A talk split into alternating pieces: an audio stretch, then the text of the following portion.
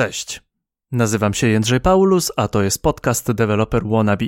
Dziś z Marcinem Czarkowskim z Przeprogramowanych porozmawiamy o frameworkach. Ale najpierw zaczniemy od dlaczego.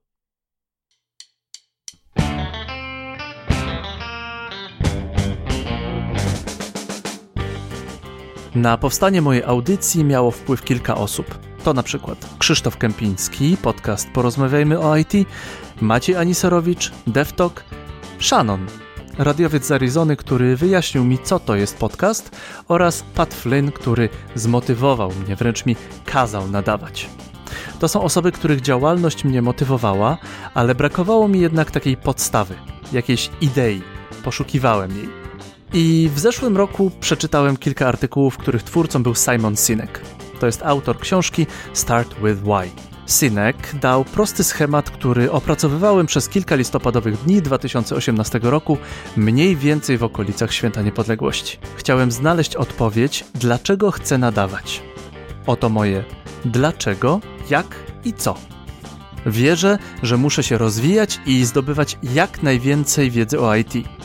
Dlatego zapraszam do podcastu ciekawych ludzi. Wydobywam z nich wiedzę. Zadaję im pytania od słuchaczy i rozmawiam o tym, co mnie nurtuje w danej technologii. Wyciskam z nich wiedzę jak z cytryny.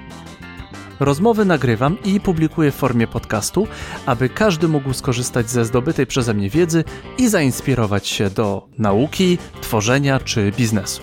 Te trzy kręgi Sinka. Dlaczego, jak i co spowodowały, że do rozmowy zaprosiłem grupę przeprogramowanych. Gościem pierwszego podcastu serii będzie Marcin Czarkowski. Opowie mi o frameworkach. Ten podcast to jest zapis live'a, który zrobiliśmy w październiku 2019 roku na fanpage'u Developer Wannabe. Taki sposób nagrywania podcastu jest dla mnie bardzo naturalny, więc zapraszam do śledzenia fanpage'a na Facebooku. W rozmowie wyjaśnimy, czym są frameworki i kiedy zacząć się ich uczyć. Zaczniemy od krótkiej charakterystyki Angulara i Vue, a potem pójdziemy na całego z Reactem. Marcin da kilka wskazówek od doświadczonego programisty, które pomogą Ci zdobyć dodatkowe punkty w czasie rekrutacji. Dziękujemy za pytania przesłane do tego podcastu, a szczególnie pozdrawiam użytkownika o niku Nikczemnik za niezwykle miłe słowa, które zostawił mi na iTunes w recenzji. Będzie nam niezwykle miło, jeśli udostępnisz tę rozmowę w swoich social mediach i zostawisz recenzję na iTunes albo zaobserwujesz nas na Spotify. Zapraszam do wysłuchania podcastu. Marcin Czarkowski, przeprogramowani.pl o frameworkach. Miłego słuchania. Dzień dobry wszystkim. Tutaj Jędrzej, Jędrzej Paulus z podcastu Developer Wannabe. E, witam Was. Razem ze mną jest Marcin. Siema Marcinie. Cześć Jędrzej, cześć wszystkim. Mamy taką fajną, mm, fajną myśl. Pogadaliśmy z Marcinem trochę, pogadaliśmy o tym, e, co będziemy robić. Z takiej podcasterskiej e, wzajemnej pomocy wyrosła myśl o tym właśnie podcaście. Będziemy rozmawiać o frameworkach. Marcin Czarkowski z grupy Przeprogramowani to jest taka, takie trio chłopaków. E, Marcin Czarkowski, Przemek Smyrdek i Adam Overment Gospodarczyk. Możecie ich spotkać na przykład na e, YouTubie, na fejsie. Marcin jest jedną trzecią e, przeprogramowanych i Marcin jest e, człowiekiem, który zajmuje się Reactem, a my będziemy rozmawiać o e, frontendzie i o frameworkach. Marcinie, jaki miałeś pierwszy komputer? O, to było dawno, to było na moją pierwszą komunię świętą. Dostałem y, komputer w prezencie to był komputer, to było, który to był rok 2002, jeżeli dobrze pamiętam. Więc to był komputerek, co tam z Windowsem XP. Pamiętam, że mhm. miał nagrywarkę DVD. Ojciec wow. był bardzo z tego dumny, że, że mi kupił taki sprzęt. Więc mogłem po prostu, mogłem piracić po prostu na podwórku gry, co było, co Rządziłeś było na podwórku? Jasne, no kurczę, łomsy było można przegrać kolegom, więc, więc tam fajny feature nie można powiedzieć. No. Super rzecz. Ja, ja jestem ciutkę starszy i ja raczej pamiętam Commodore 64, gdzie jeszcze wgrywało się z kasety magnetofonowej e, gry i e, nie można było oddychać, bo ta głowica była taka tak, ta głowica była taka, e, taka delikatna, taka, taka czuła, że jak coś stuknąłeś, puknąłeś, to w ogóle zaraz się nie wgrywała, nie, nie wgrywała w gra. Nie będziemy dzisiaj bardzo się wgłębiać w te frameworki. To jest podcast przeznaczony dla osób, które by się chciały uczyć. I musimy wspomnieć o jednej rzeczy, o tym, że przeprogramowani robią kurs. I jest spotkanie z Marcinem z przeprogramowanych, potem będzie spotkanie z Przemkiem z przeprogramowanych i z Adamem Overmentem. Jedziemy. Dobra, to może się przedstawię. Mam na imię Marcin, jak już zdążyłeś wspomnieć. E, niedługo skończę 26 lat i jako programista pracuję aż albo dopiero 3,5 roku. E, zaczynałem od stażu w małym bydgoskim startupie i to było jakiś rok po tym, jak podjąłem decyzję, że rzucam studia prawnicze, no i spróbuję tych swoich sił jako programista. I w zasadzie od początku tej swojej drogi e, rozwijam się jako full stack web developer, piszę frontend w JavaScriptie i backend w PHP ale taką moją specjalizacją, konikiem właśnie jestem frontend, no a przede wszystkim y, React.js to jest ta technologia moja ulubiona, z którą praca mi sprawia najwięcej przyjemności. To dosyć ciekawa historia chyba twojego życia, bo tak rzucić studia prawnicze to wymaga trochę dużo odwagi. Musiałeś się długo tłumaczyć swoim rodzicom? No nie, no jakby przyjąłem na klatę ich niezadowolenie, poszedłem też zresztą od razu do pracy, żeby e, móc się po prostu samodzielnie utrzymać, bo oni po prostu stwierdzili, że skoro podejmuję taką decyzję, no to też muszę wziąć za to odpowiedzialność. Wziąłem, no ale w ostateczności te 4 lata później e, przyznają, że to była świetna decyzja i, i cieszą się, że to zrobiłem, więc moim zdaniem warto postawić na swoim i, i jakby wierzyć w to, że się uda. Frameworki.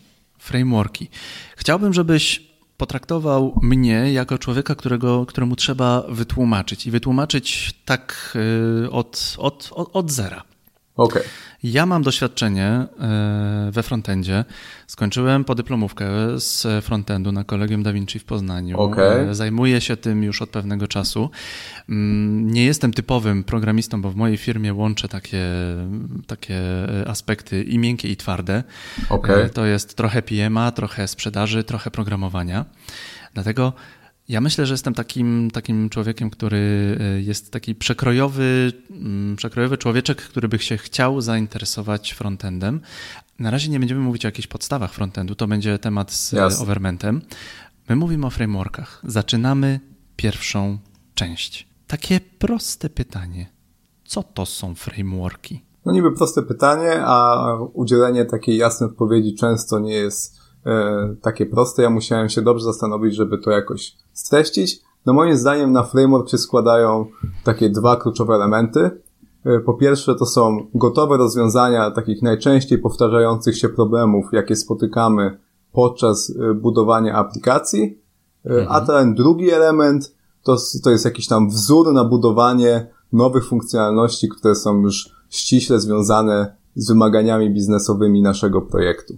Więc to są te no takie dwa elementy.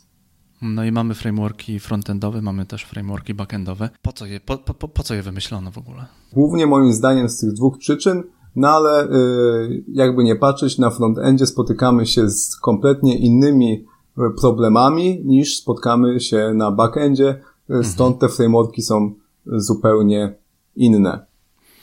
No i to jest takie pytanie, po co są frameworki? Mniej więcej, mniej więcej odpowiedzieliśmy. E, uczymy się JavaScriptu, no bo to jest główny język frontendowy. Yes.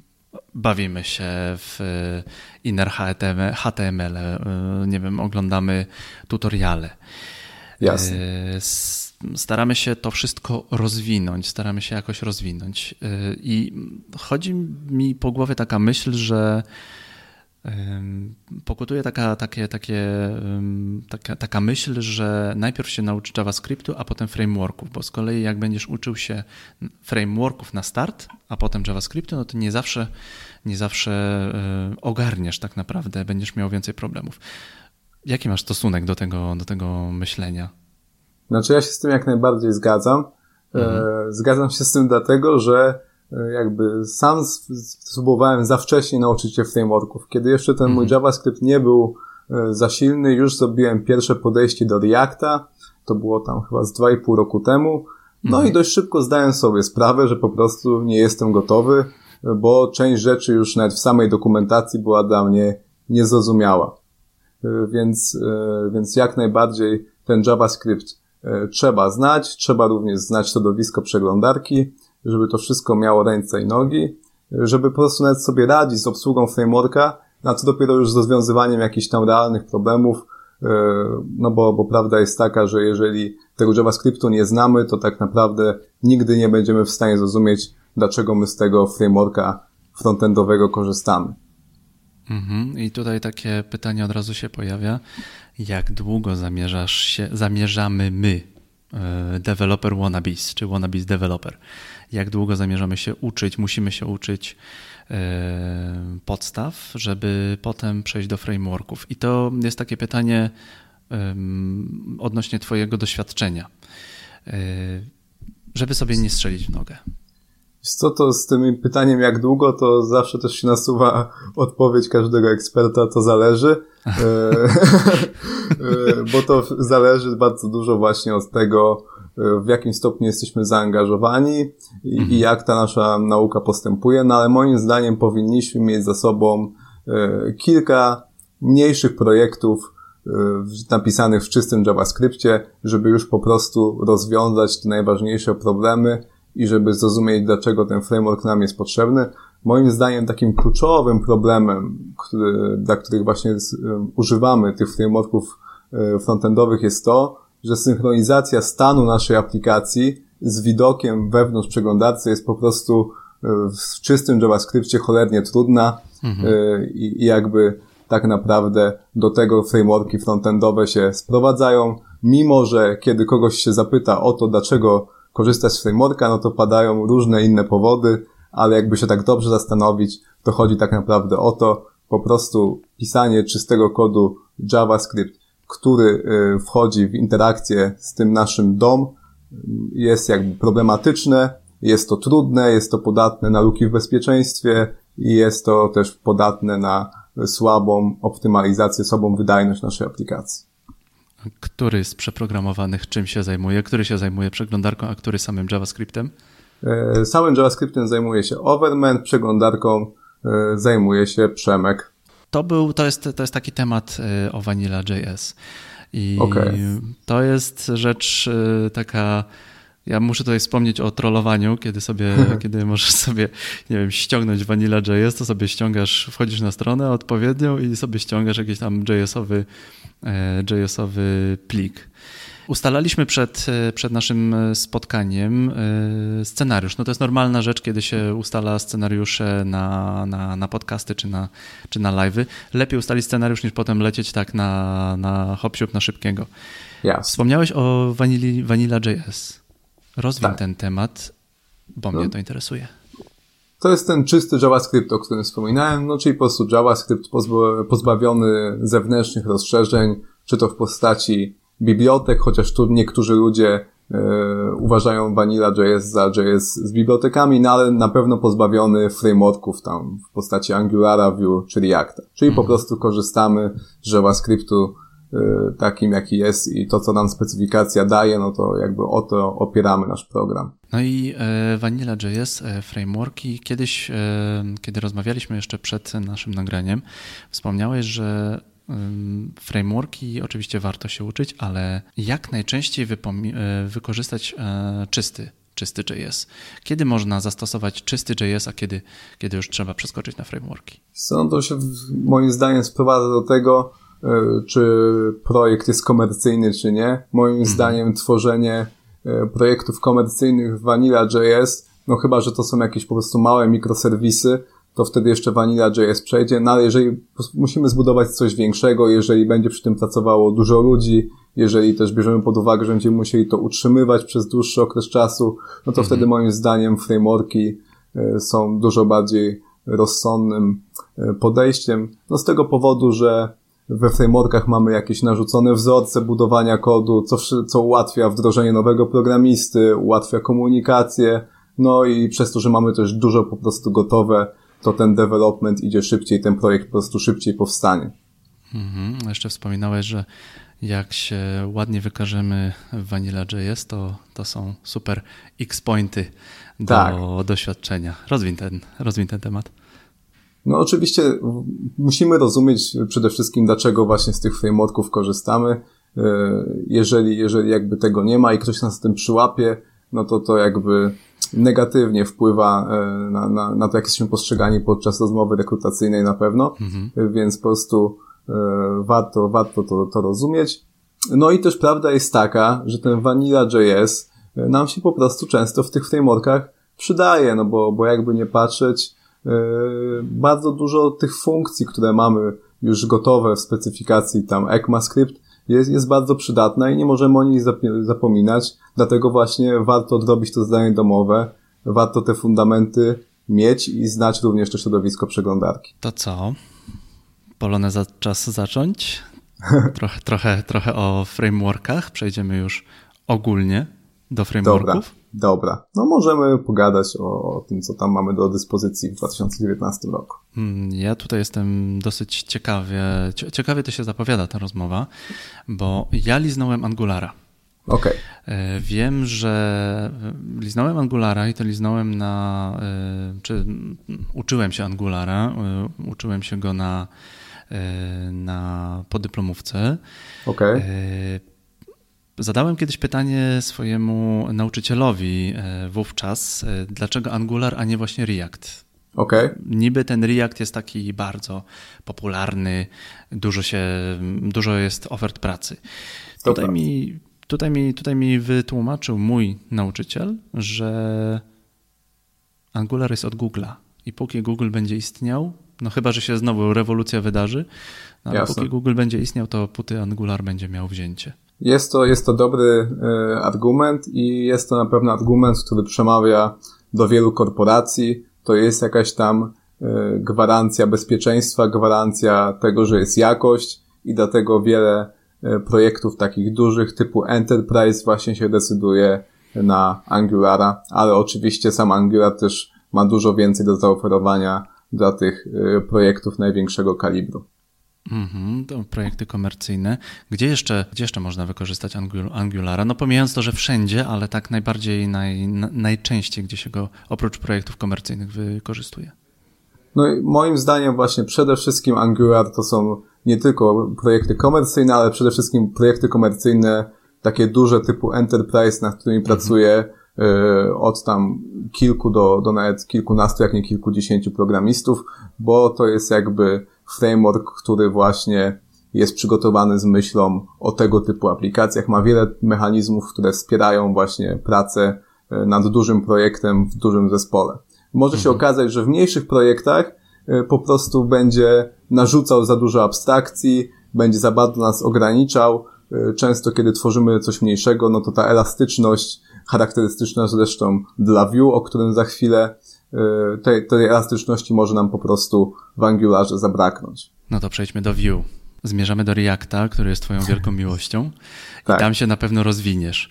Y, o Vue wiem tak naprawdę tyle, że Hello Roman, pozdro Roman, że Hello Roman y, bardzo długo w nim pracował. Vue jest ładny, Vue jest fajny, Vue ma dobre opinie no i po co zrobiono Vue? Gdzie zastosujemy Vue z kolei? Wiesz co, no Vue można powiedzieć jest e, w jakimś tam sensie przeciwieństwem tego naszego Angulara. E, Vue jest w takim frameworkiem progresywnym, tak się e, marketują. Chodzi o to, że daje nam możliwość takiego stopniowego wprowadzania funkcjonalności. Możemy sobie po prostu do części naszej aplikacji to Vue wpiąć bez konieczności jakby opierania całej aplikacji o ten framework więc możemy to po prostu sobie stopniowo wprowadzać, na ile tego tak naprawdę potrzebujemy. To również jest framework, którego nie stworzyła żadna korporacja, jak to jest w przypadku Angulara czy Reacta, mhm. tylko stworzył to na początku jeden programista niezależny, no a potem po prostu zebrał się team open source, który to dalej rozwija i utrzymuje. No i też taką moim zdaniem świetną zaletą Vue jest to, że jest po prostu łatwy do nauki, tak naprawdę kilka dni i jesteś w stanie pisać naprawdę e, funkcjonalny kod. Ja zresztą swój pierwszy projekt komercyjny stworzyłem właśnie w Review i, i dobrze to wspominam. Dawid Owczarz e, zgłosił nam tutaj pytanie. Mm, Dawid mówi, że boli go to, że Vue jest tak mało popularne, a taki, a według niego jest to świetny framework. I pytanie do ciebie. Czy możesz się wypowiedzieć na ten temat? Czy kiedyś może to się zmienić? Bo teraz jest Vue 3.0, dużo nowości, takich jak tam na przykład wsparcie dla TypeScript i będzie dostępnie, będzie wstępnie kompatybilny. No i to jest na plus. Zmieni się to kiedyś, wsparcie?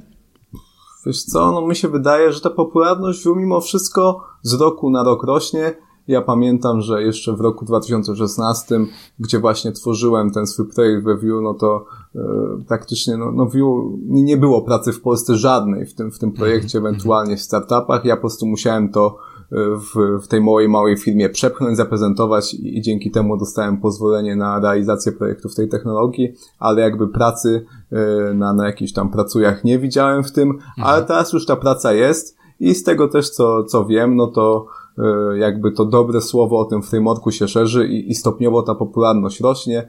No moim zdaniem problemem niestety jest to, że nie ma tego wsparcia korporacji, przez to to zaufanie e, software house'ów, jest niestety niższe do tej technologii, mimo że tak naprawdę nie ma ku temu racjonalnych powodów, no bo framework rozwija się fajnie i, i programiści są z niego bardzo zadowoleni. No tak to niestety bywa, e, że zwycięzca bierze wszystko, a, a pozostali no tam walczą o, e, o chłapy, nie? No, takie są prawa marketingu, niestety. Wspomnia, wspomniałeś, że pracowałeś w Vue. Opowiesz coś o tym projekcie? Coś, choćby, choćby tak e, kilka zdań? Co, to była stosunkowo prosta aplikacja, można powiedzieć, że wręcz krudowa. E, to, to był system do, do monitoringu floty pojazdów e, takich przemysłowych. Wyświetlałem tam różnego rodzaju wykresy odnośnie tego, co tam się z tymi pojazdami dzieje, zużycie paliwa, tego typu tematy. Nic, nic tam, nothing fancy, ale mhm. Vue jak najbardziej się sprawdzało y, i wtedy też zauważyłem, że, że Vue dobrze sobie radzi z dużymi ilościami danych. To jest framework świetnie zoptymalizowany, y, więc, więc ta aplikacja, mimo, mimo że tam były tysiące po prostu y, JSONów, no to, to wyświetlały się te wykresy naprawdę fajnie i nie miałem żadnych problemów natury tej optymalizacyjnej, wydajnościowej. To co? Teraz przechodzimy do Twojej miłości? Myślę, że czas najwyższy.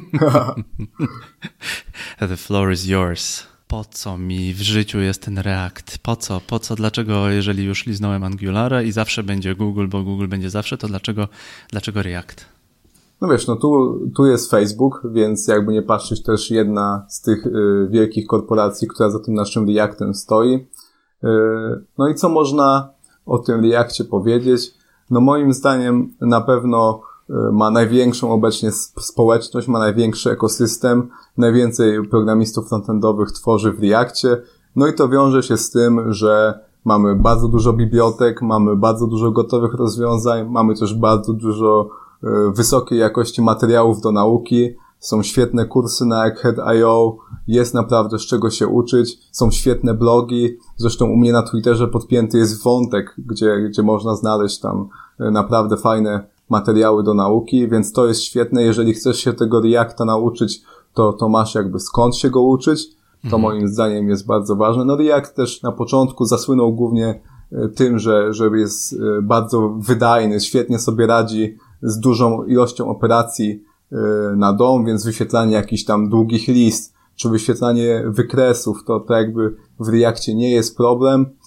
No i jeżeli lubisz programowanie funkcyjne, jeżeli lubisz tam bawić się tymi funkcjami, no to również React cię jak najbardziej do tego zachęca. To jest właśnie e, taki framework funkcyjny w przeciwieństwie na przykład do Angulara, który dużo bardziej wspiera to programowanie obiektowe. Co tam mamy jeszcze? E, no też co można na pewno powiedzieć o Reactie, to że szybko się rozwija. Dla niektórych to jest minus, no bo cały czas jest coś nowego do nauki. E, dla mnie to jest jak najbardziej plus, bo moim zdaniem te zmiany póki co zawsze były rozsądne, zawsze ta biblioteka zmienia się e, na lepszą i też mamy tą wsteczną kompatybilność, czyli nie musimy jakby od razu czegoś nowego wprowadzać. Te aplikacje cały czas nam działają, które zbudowaliśmy wcześniej i mamy oczywiście możliwość dodawania nowych funkcji, dzięki których ta nasza aplikacja na ogół po prostu ma prostszy kod, bardziej intuicyjny. Spójrz, czy możesz e, zobaczyć pytanie Mateusza Bąka. Czy w Vue lub Reakcie da się zastosować elementy programowania obiektowego, liczenie poliformizm? Wiesz co? Da się, ale tak jak już wspominałem na początku, y, jakby dwa cechy frameworka. Pierwsze to jest rozwiązywanie y, jakichś tam podstawowych problemów, a drugie to jest wzór y, budowania nowych funkcjonalności. No i prawda jest taka, że w tym Reakcie raczej jesteśmy zachęcania, zachęcani do programowania funkcyjnego, może skorzystać z dziedziczenia. Pytanie po co? No, no jakby React nie udostępnia nam jakiegoś specjalnego API yy, nakierowanego na yy, te, tego typu kod. Yy, no, ostatnio doszły te słynne hooki, yy, które jakby no, wprost nam mówią, że w Reakcie raczej opieramy się na funkcjach a nie na obiektach. Tak więc da się, ale to jest po prostu y, jakby płynięcie pod prąd. Jakbyś miał tak oddzielić trochę, trochę miłość do Reacta, no. Y, to pomóż podjąć decyzję, żeby nie było na, nie wiem, na wyliczankę. Jasne. Mniej więcej wiemy, co, co gdzie, kiedy za, za, zastosować kiedy mniej więcej Angular, kiedy Vue, kiedy, kiedy, kiedy React. Tak, tak, takie mam wrażenie, że jak chcesz trochę takiej większej stabilności, to Angular. Jak chcesz w czymś fajnym robić, to, e, to Vue, a jak chcesz robić takie, takie wow rzeczy, to w Reactie. Czy to jest takie tylko moje zdanie? Może tak być, chociaż no zależy co rozumiesz przez stabilność. Jeżeli przez stabilność rozumiesz pracę w dużej korporacji, to jak -hmm. najbardziej, a jeżeli y, rozumiesz przez to łatwość zdobycia pracy, no to jednak rekomendowałbym Reacta, no bo jak już zresztą sam wspominałeś, w Reakcie tej pracy obecnie jest najlepiej, no co siłą rzeczy daje nam największą szansę na jej zdobycie. No sam to widzę, że jest y, dużo, dużo, dużo pracy w Reakcie, bo kiedy pojawiają mi się e, w mojej pracy z kolei jakieś projekty, no to powiem, że mamy pewien problem ze znalezieniem ludzi z Reactem, e, ewentualnie ze znalezieniem ludzi z odpowiednim poziomem Reacta, bo widać, że React bardzo ewoluuje i no to, co było w zeszłym roku, to obecnie mam wrażenie, że to się to, to co było nowością w zeszłym roku, to, to są jakby podstawy w tym, w tym roku. Tak, takie, tak, takie to, to, to, jest, to, jest jak na, to jest prawda, jakby dość dużo. React jest może prosty, żeby zacząć, mhm. ale żeby tym Reactem się w taki sposób sprawny posługiwać, no to trzeba poświęcić dość dużo czasu. Ile ci to zajęło, żeby ogarnąć React tak funkcjon- żeby robić funkcję? Wiesz co, ile mi to zajęło, to cały czas mi zajmuje czas, bo, bo jakby y, te mm, wzorce w Reakcie ich jest bardzo dużo i, i, i jakby to, ile możemy z różnych komponentów stworzyć, to praktycznie e, to, to nie ma końca i za każdym razem jak widzę jakiś e, wpis Kenta Dotsa czy Dana Abramowa, to są tacy bardzo znani programiści Reacta, no to jestem pod wielkim wrażeniem, że można pisać tak dobry kod, więc ja jakby zakładam, że cały czas się uczę. E, no mhm. ale żeby być produktywnym komercyjnie, no to uważam, że co najmniej trzy miesiące takiego solidnego pisania są potrzebne tak żeby te podstawowe e, wzorce komponentów poznać i, i faktycznie stosować we właściwych miejscach. Możesz wyjaśnić e, ten podstawowy, to, to, to jedno z podstawowych pojęć, wzorce komponentów?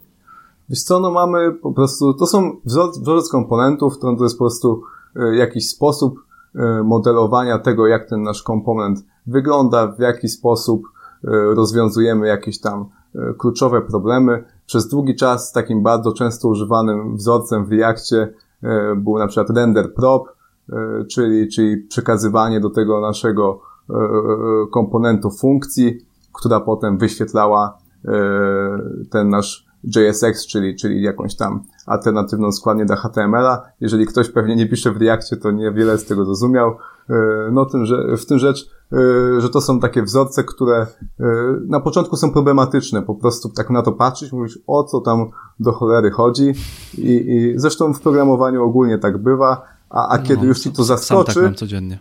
No, kiedy już ci to zaskoczy w głowie, no to potem z, z kolei yy, wszystko jest dla ciebie gwoździem, a ty masz w ręce młotek, więc tam próbujesz tam wszędzie tym stukać, a się okazuje, yy, że, że masz jeszcze inne sposoby na rozwiązywanie tego problemu, yy, bardzo często lepsze i niepotrzebnie sobie komplikujesz, więc nabranie takiej wprawy yy, co do tego, co używać i kiedy, no to po prostu w Reakcie wymaga czasu, trzeba kilka tych apek napisać, yy, żeby, żeby tą intuicję sobie wyrobić. Jaką byś polecił apkę na start dla człowieka, który ogarnął JavaScript, ogarnął podstawy, a potem e, chciałby, chciałby się uczyć e, czegoś w Reakcie? Chciałby coś no, stworzyć w Reakcie? Y, ja polecam aplikację, z której się wszyscy zawsze śmieją, czyli to-do listy. Y, wbrew pozorom, mimo że to jest coś nudnego mhm. i co nie zrobi na niekim wrażenia, to wbrew pozorom, zwłaszcza w Reakcie, daje okazję właśnie do nauki tych najważniejszych wzorców, mechanizmów, więc te to-do listy w Reakcie jak najbardziej się sprawdzają. Mogę, mogę to polecić. No chyba, że masz po prostu pomysł na jakiś konkretny projekt, który rozwiąże jakiś twój pro problem, to zawsze jest jeszcze lepszy pomysł, no bo dzięki temu będziesz miał więcej motywacji, żeby to dokończyć. Ale te śmieszne to-do listy jak najbardziej w Reakcie się sprawdzają. To-do listy, co jeszcze? Ja pamiętam, że też zrobiłem sobie timer Pomodoro, zrobiłem Aha. sobie również kalkulator, zrobiłem sobie grę w kółko i w krzyżyk. Wszystkie te takie podstawowe projekty, e, które również można sobie napisać w Vanilla JavaScript, e, w Reakcie również e, się sprawdzają. Właśnie jednym z moich takich podstawowych zabaw napisanej, napisanej w, czystym, w czystym JS-ie to były memorki.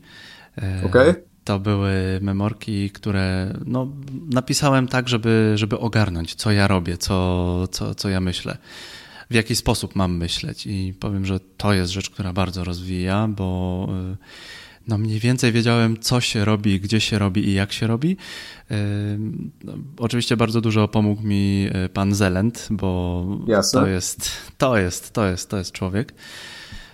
A największą chyba przyjemnością w tym było, że robiłem memorki z dinozaurami, czyli wróciłem do dzieciństwa, do swojej miłości, do, do dinozaurów i mogłem sobie, mogłem się potem pobawić. E, a potem mi z kolei powiedział jeden z frontendowców, że no to teraz pięknie i spróbuj to napisać w Reakcie.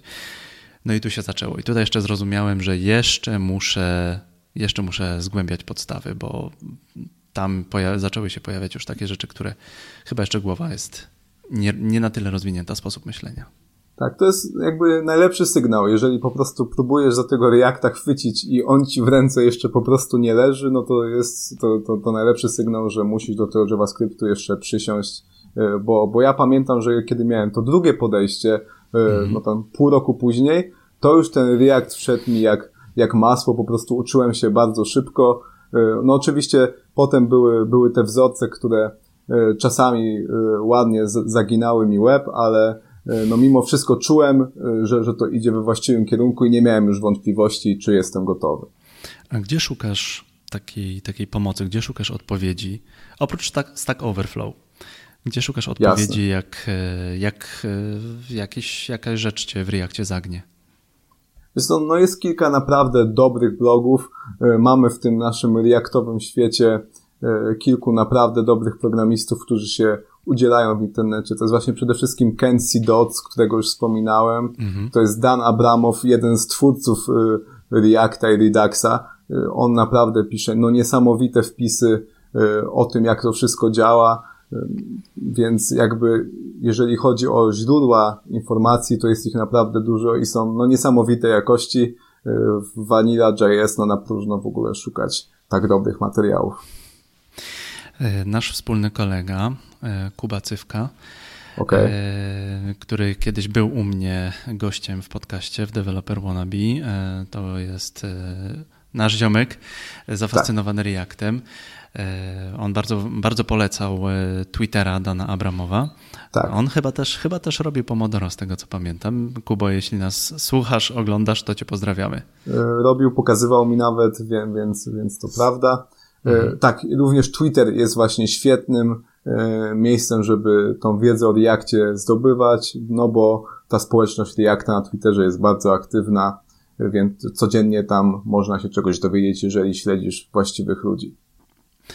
Wybieramy jeden framework i uczymy się go i siedzimy i robimy te tak zwane dupo godziny, czyli po prostu walimy w klawiaturę, klepiemy kod, uczymy się, rozwiązujemy problemy. Co zrobić, jak ten React mi nie podejdzie? Przełączać się jednak na inny, czy, czy to? Wiesz co, moim zdaniem, że w ogóle zanim się zdecydujesz, e, mhm. jaki e, framework wybrać, no to warto zrobić taki rozsądny e, research. No bo prawda mhm. jest taka, że dużo zależy od tego, w jakim mieście mieszkasz, w jakiej jesteś lokalizacji. Ja na przykład, kiedy zaczynałem uczyć się Reacta, mieszkałem jeszcze w Bydgoszczy, w moim mieście rodzinnym mhm. i tam pracy w Reakcie jest zero. E, nie ma po prostu, nie widziałem chyba żadnej oferty pracy w Reakcie i uczyłem się tego Reacta tylko dlatego, że wiedziałem, że chcę się przeprowadzić do Krakowa, gdzie mhm. mieszkam obecnie, gdzie tej pracy w tym Reakcie jest bardzo dużo, e, więc moim zdaniem przede wszystkim trzeba zrobić research na wszelkich tam jobboardach odnośnie tego, co w twojej lokalizacji e, w ogóle jest jakby hot i co tam te firmy oferują, czego potrzebują. Tak, I to jest moim zdaniem najważniejsze, tak, tak naprawdę. A jeśli ktoś mieszka w mniejszej miejscowości, to na pewno warto na jakieś jobboardy uderzyć, e, nie wiem, może freelancerskie, może, może, może coś takiego. Dobrze myślę? Bo tak, my, patrzymy, my patrzymy, ty mieszkasz w Krakowie, ja mieszkam w Poznaniu i e, patrzymy na to z perspektywy mm, większych miast. Co, no ja mam z tym freelancem e, na początku zwłaszcza trochę mieszane uczucia, jednak jest duża wartość w tym, żeby E, być stacjonarnie w biurze mhm. i móc e, komuś pytanie zadać, kto, kto ma większe doświadczenie. Więc ja jednak mimo wszystko, jeżeli dla kogoś to nie jest jakaś tam absolutna blokada, no to wziąłbym pod uwagę, że, że na, na potrzebę tej pierwszej pracy bym się do jakiegoś większego miasta po prostu przynajmniej na pewien czas przeprowadził. Mhm. To, to znacznie nam ułatwi tą pierwszą drogę, pierwszą, zdobycie pierwszej pracy, no bo jeżeli też nie mamy z dużego portfolio, nie mamy doświadczenia, e, no to pytanie, kto nam zaufa, jeżeli chodzi o pracę zdalną, czy jeżeli to jakiś tam projekt na freelancie. Tutaj dochodzi do mnie takie, takie pytanie, które zadaję wielu osobom, które mają już doświadczenie. Skąd ma junior wziąć doświadczenie? No, mi się udało to doświadczenie zdobyć za pomocą stażu. Mhm. Więc, e, więc jakby poszedłem e, tą drogą. To jest droga, gdzie musimy się liczyć, że te zarobki na początku są bardzo niskie, e, no ale moim zdaniem to jest cena, którą się powinno być gotowym zapłacić. Ja tą cenę zapłaciłem. Pracowałem wcześniej w obsłudze klienta w Ikei, E, więc też to nie była żadna tam e, e, premium praca, a i tak moje zarobki spadły o ponad połowę, więc tak to wyglądało. No ale teraz pytanie, czy, czy, czy po prostu jesteś gotowy znieść ten dyskomfort na początku, żeby potem te 2, 3, 4 lata później odcinać z tego kuponu. Słyszałem też takie, taką informację, e, słyszałem też takie, takie informacje o tym, że bardzo często na przykład software house'y zatrudniają e, freelancerów, e, zatrudniają juniorów i najpierw zatrudniają na staż za darmo albo za bardzo małe pieniądze, ale taką wartością dodaną jest to, że taki mm, freelancer czy no, taki junior ma na przykład trzymiesięczny dzień w dzień e, bootcamp, tylko że za darmo w, Taka, danej, w danej firmie. W pełni się tym zgadzam. Ja naprawdę niewiele umiałem idąc na staż mhm. i przez te trzy miesiące nauczyłem się e, naprawdę dużo, e, więc moim zdaniem po prostu za wszelką cenę warto złapać tą pierwszą pracę, nie patrząc na zarobki, nie patrząc też moim zdaniem na technologię, czy to będzie Angular, czy to będzie Vue, czy to będzie React. W moim przypadku to nie było żadne z powyższych. E, ja pisałem w JavaScriptie głównie z elementami nawet jQuery e, i jakby to moim zdaniem na początku nie powinno być takie ważne. E, ważniejsze jest to, żeby zdobyć to prawdziwe doświadczenie, no bo tak jak powiedziałeś, po prostu mamy ten bootcamp za darmo i ktoś nam daje możliwość przyspieszonej nauki, a być może nawet jeszcze za to ileś tam zapłaci. To jest e, duże wyzwanie i to e, im, im się robisz, mam takie wrażenie, że im się robisz starszy, tym to wyzwanie się robi jeszcze większe. Mam na myśli takie, na takie wyzwanie jak, jak, jak przebranżowienie, czyli przebranżowienie do IT, bo nagle twoimi szefami są osoby, które no, są od ciebie o 15 lat młodsze, a mają 10 lat więcej doświadczenia niż, niż, niż ty. Tak, to, to na pewno musi, musi być e, średnio komfortowe, no i też jeżeli już tam mamy tych lat 30 kilka, mamy no, na przykład rodzinę na utrzymaniu, no to e, zaakceptowanie jakiejś tam płacy na poziomie 1000 zł miesięcznie, no to już jest dość problematyczna sytuacja. Tak więc im człowiek jest młodszy, to na pewno też ma e, większe pole do eksperymentowania i ma po prostu no, najzwyczajniej w świecie dużo łatwiej. Wracamy do pytania, wracamy do tematu o Reakcie, bo to jest nasz core dzisiejszy. Co musi, musielibyśmy dodać jeszcze? Co, jakie są takie bardzo ważne informacje? Nie wiem, może coś pominęliśmy. Co, o czym jeszcze musielibyśmy powiedzieć w Reakcie? Tu na przykład Dawid pisze, e, że, że Reacta się uczył, e, bo pracy w mieście było sporo, ale nie sprawiało mu to przyjemności i przeszedł na Vue. I czy to głupie? nie wiem, czy to głupie. W sensie, e, no musisz też sobie zadać pytanie, e, po co ten kod piszesz. E, mhm. No ja, ja kod piszę głównie po to, żeby ktoś mi za to w ostateczności na koniec miesiąca zapłacił. Więc jakby siłą rzeczy wybrałem rozwiązanie, które jakby dawało największą szansę na to, że te pieniądze będą i że tych pieniędzy będzie dużo. Moim zdaniem też y, satysfakcja rośnie wraz ze wzrostem doświadczenia. Często to, co nam nie sprawia przyjemności na początku, zaczyna nam sprawiać przyjemność po tym, kiedy stajemy się w tym coraz lepsi, więc może też warto czasami zacisnąć zęby, wiedząc, że z czasem po prostu ten nasz fan może najzwyczajniej w świecie wzrosnąć, no bo będziemy w tym dobrzy. A jeżeli chodzi o samego Reacta, z Reactem jest tak, że musimy bardzo dobrze zrozumieć y, kilka koncepcji y, funkcji z Vanilla.js, bo bez nich ani rusz. Y, moim zdaniem to są przede wszystkim zakresy, to są przede wszystkim domknięcia. Domknięcia przydają się w Reactie bardzo często, mimo że w tym Vanilla.js czy w innych frameworkach często ich się za często, znaczy za często się ich najzwyczajniej w świecie nie używa. A, a w Reakcie no, ułatwiają nam pracę w dużym stopniu, dlatego warto po prostu to sobie tam ogarnąć. Mhm. Czy to jest odpowiedź na pytanie Przemka Smyrtka? Jestem ciekaw, czy Marcin widzi jakieś uniwersalne wzorce, które wyciąga z pracy przy Reakcie i które mogłyby łatwo przenosić do innych frameworków. Ja przede wszystkim y, właśnie widzę ten potencjał, żeby w praktyce poznać programowanie funkcyjne. Y, znaczy pytanie, czy możemy to przenieść do innych frameworków, y, no to zależy, jakie te frameworki obecnie są. No do Angulara, z tego co wiem, tego za bardzo nie przyniesiemy, no bo tam jednak króluje to programowanie obiektowe. No ale jakby nie patrzeć, programowanie funkcyjne obecnie jest modne, coraz więcej takie języki E, stricte funkcyjne zyskują na popularności, e, więc może nawet nie do e, innego frameworka, ale do, do innego języka. Więc, więc jakby to jak najbardziej jest ważne. No ale też no sam React, jakby nie patrzeć, tak samo jak Vue, tak samo jak Angular, to jest biblioteka tak naprawdę, która wspiera budowanie interfejsu w oparciu o komponenty.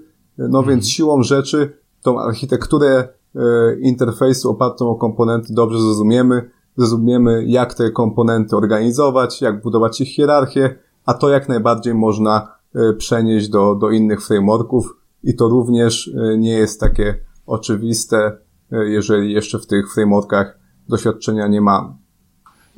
Wspominałem też o tym, że dużą zaletą Reacta jest ta społeczność, że ona jest duża, jest aktywna. To jest na pewno duży plus ale też musimy się przygotować na to, że jest to też największy tej biblioteki czy tam frameworka e, minus, a to dlatego, że to są ludzie głównie z Doliny Krzemowej, więc e, tam Stany Zjednoczone, no i tam siłą rzeczy klimat polityczny jest jaki jest i bardzo często niestety ta debata polityczna się do tego frameworka przedziera i, i na, na, na tym naszym Twitterze, z którego chcemy czerpać wiedzę, pojawia się dużo toksycznych dyskusji, pojawiają się na jakieś tam nieprzyjemne sytuacje. Ja przez te dwa lata bycia częścią tej społeczności, no już niestety musiałem oglądać wiele takich dyskusji, które, które tam no, budziły mój niesmak. Więc tak to niestety z tym Reactem jest. Nie przejmujcie się polityką, weźcie się do roboty, rób, rób, no. róbmy swoje, tak mam wrażenie. To, to, to ja jak najbardziej się z tym zgadzam, no ale niestety w przypadku Reacta nie zawsze mamy taką możliwość, no bo chcemy się uczyć, a ta debata polityczna gdzieś tam nam e, niestety wchodzi w drogę. Link do, do GitHuba swojego dasz? E, dam, chociaż od dłuższego czasu e, nic tam się nie dzieje. MK Czarkowski, tak sobie można wpisać i to jest mój GitHub. To też jest mój Twitter. Mhm. Dlaczego mhm. na, na moim GitHubie niewiele się dzieje przez ostatni, można już powiedzieć, rok? a to dlatego, że dużo czasu jednak poświęcam e, w tego wolnego na tworzenie kontentu na YouTube'a, na napisanie e, artykułów, e, więc siłą rzeczy side projectów aktywnie obecnie nie prowadzę.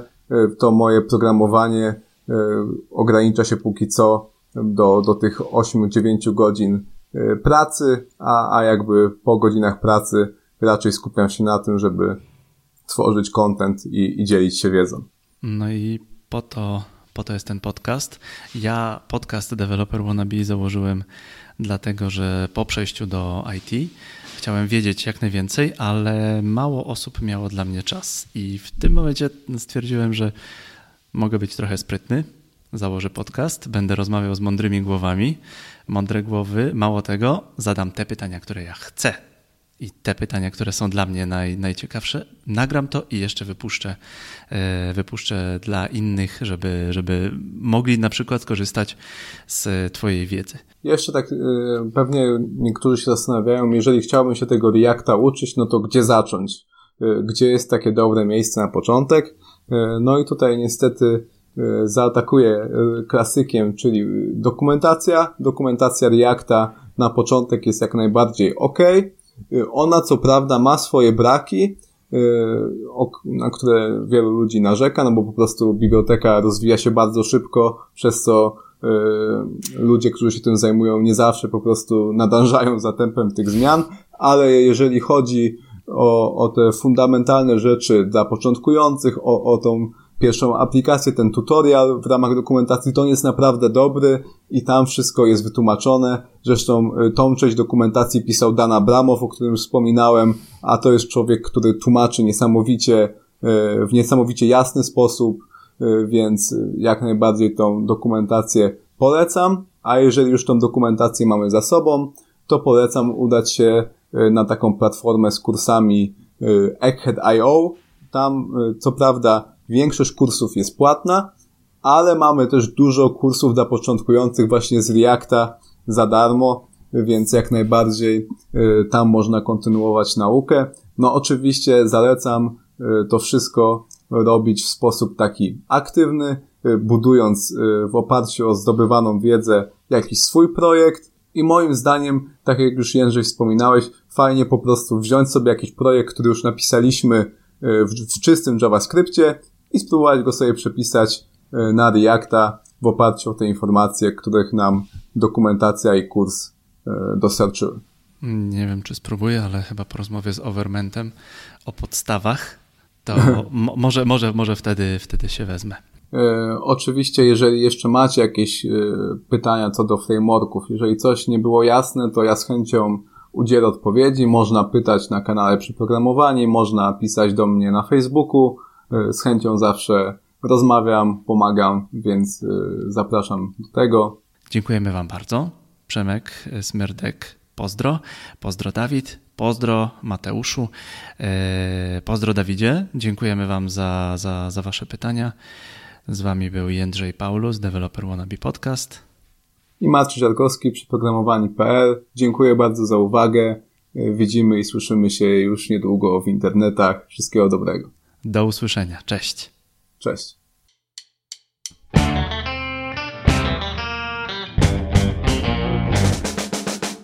Dziękujemy za Twój czas i za Twoje uszy. Podobał Ci się odcinek? Daj nam znać. Udostępnij tę rozmowę na swoim profilu, skomentuj post z naszą rozmową na Facebooku, na Twitterze, na LinkedInie. Możesz też polubić Instagrama Developer Wannabe. Zapraszam. 5 gwiazdek i recenzja na iTunes albo zaobserwowanie na Spotify podnosi ranking podcastu i daje możliwość dotarcia do większej ilości ludzi, którzy chcą zdobywać wiedzę o IT.